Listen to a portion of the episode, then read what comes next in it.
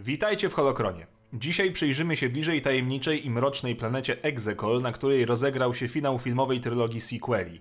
O planecie wiadomo póki co bardzo mało, niemniej myślę, że warto przybliżyć wam informacje, które zawitały w kanonie. Zapraszam. Czarny, posępny glob osadzony był w nieznanych regionach w systemie Exekol. Zajmował pierwszą pozycję od Słońca, nie posiadał żadnych księżyców, doba trwała tam aż 53 standardowe dni, rok zaś 210 lokalnych dni. Średnica planety wynosiła 13 649 km, atmosfera zdatna do oddychania, klimat burzowy. Planeta w głównej mierze pokryta była pustyniami i skałami.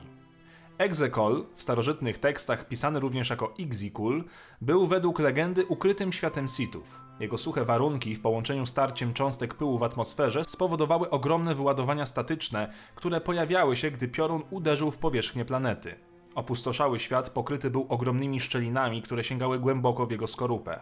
Zostały one wykopane przez lojalistów Sithów.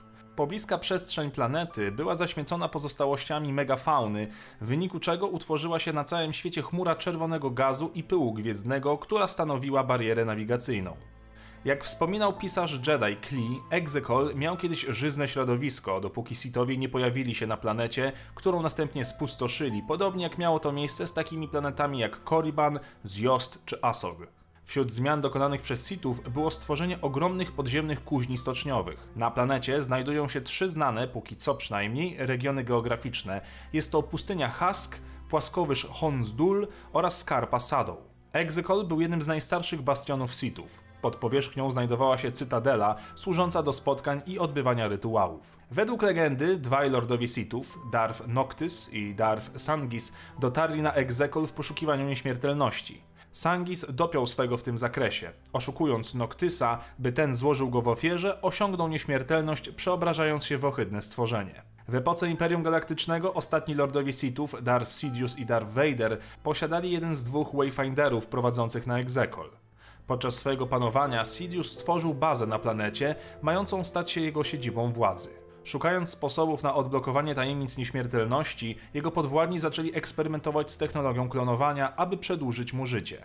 Schematy te były ukrywane przed Vaderem aż do trzeciego roku po bitwie o Yavin, kiedy napotkał oko Łebisz Boga na Mustafarze. Szukając odpowiedzi, Vader zmusił zabójcę Sithów, Ochiego, do towarzyszenia mu w jego podróży. Więcej o tym dowiecie się z komiksu Darth Vader zeszyt 10.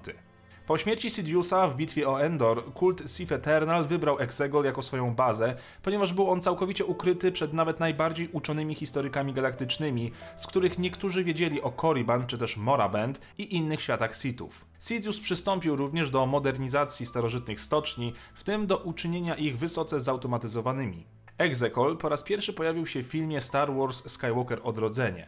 Pełnometrażowym filmie dokumentalnym The Skywalker Legacy dyrektor artystyczny Rick Carter wymyślił jednak, że to Exekol mógł być miejscem narodzin zakonu Sithów. Niemniej, kanonicznie Sithowie wywodzą się z Moraband, zgodnie z odcinkiem The Clone Wars pod tytułem Przeznaczenie.